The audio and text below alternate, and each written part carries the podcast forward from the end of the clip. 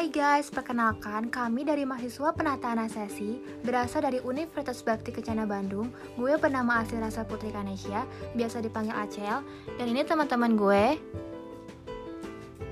Gue bernama Tarisa Sani Nur Fadila, biasa dipanggil Ica. Gua bernama Ramdhani Dewi Lestari, biasa dipanggil Dwi. Gua Tresa Pratiwi, biasa dipanggil Tresa. Gua Dida Lisnawati Nuraida, biasa dipanggil Lida.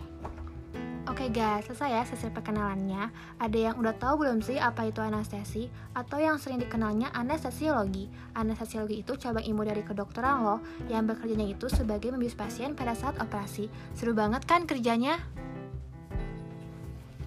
Nah, di sini kita akan ngejelasin salah satu peraturan perundang-undangan yang harus ditaati oleh penata anestesi. Kita sebagai calon tenaga kesehatan ingin mengikutsertakan masyarakat-masyarakat di luar sana untuk mengetahui peraturan perundang-undangan yang harus ditaati oleh penata anestesi. Dan kita juga ingin masyarakat mengetahui apa sih penata anestesi itu. Pasti banyak dong dari kalian yang belum mengetahui apa sih penata anestesi. Nah, kami ingin menjelaskan sedikit peraturan perundang-undangan kepada kalian yang khususnya anak-anak muda yang pecinta banget sama dunia sains ataupun hukum. Ini cocok banget loh buat kalian tambah pengetahuan. Kita akan bahas satu peraturan, yaitu Peraturan Menteri Kesehatan Republik Indonesia Nomor 31 Tahun 2013 tentang penyelenggaraan perawat anestesi.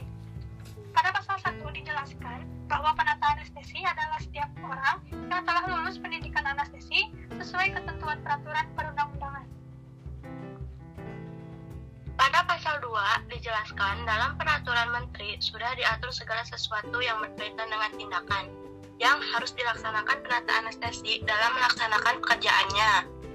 Pada pasal 3 dijelaskan tindakan anestesi merupakan tindakan medis yang dapat dilakukan secara tim oleh tenaga kesehatan yang memenuhi keahlian dan kewenangan.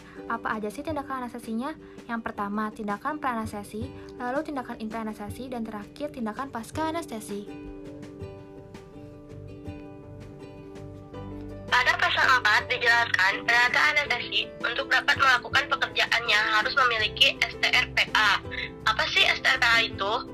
STRPA adalah sertifikat kompetensi sesuai ketentuan peraturan perundang-undangan yang dikeluarkan oleh MTKI dengan masa berlaku 5 tahun dan jika habis masa berlakunya masih bisa diperpanjang loh.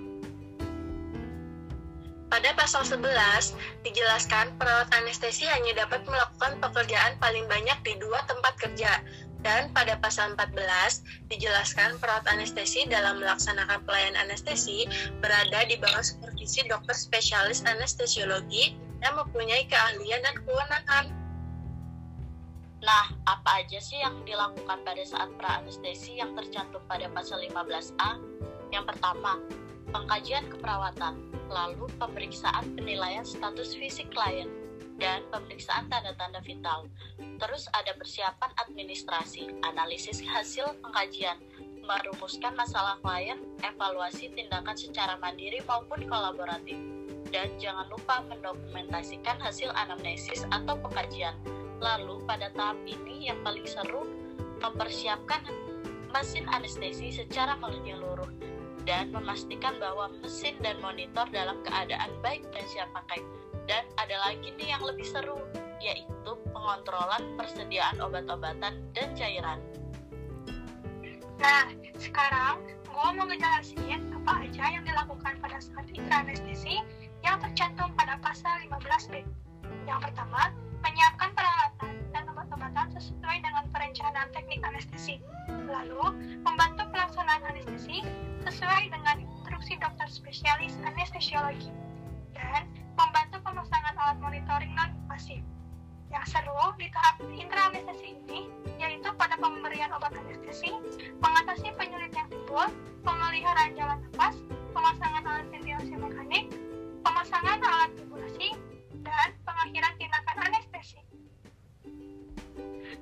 Pra-anestesinya sudah dijelasin, intra-anestesinya juga sudah dijelasin. Tinggal pascanya aja nih. Apa aja sih yang dilakukan pada saat pasca anestesi yang tercantum pada pasal 415C? Yang pertama, pastinya merencanakan tindakan keperawatan pasca anestesi dan pelaksanaan tindakan dan dalam manajemen nyeri dan jangan lupa pemantauan kondisi pasien, evaluasi juga pelaksanaan tindakannya. Yang paling terakhir nih, pendokumentasian pemakaian obat-obatan dan alat kesehatan yang dipakai. Nah, cukup jelaskan penjelasan singkat apa saja yang ada di dalam Peraturan Perundang-undangan Menteri Kesehatan Nomor 31 Tahun 2013 tentang penyelenggaraan penataan anestesi. Semoga bermanfaat ya buat teman-teman yang sedang mendengarkan podcast kita ini.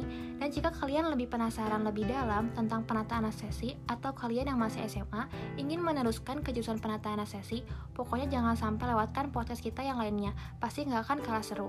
Sampai di sini dulu ya guys podcast kita. Salam bius dari kita. Bius, bius, bius.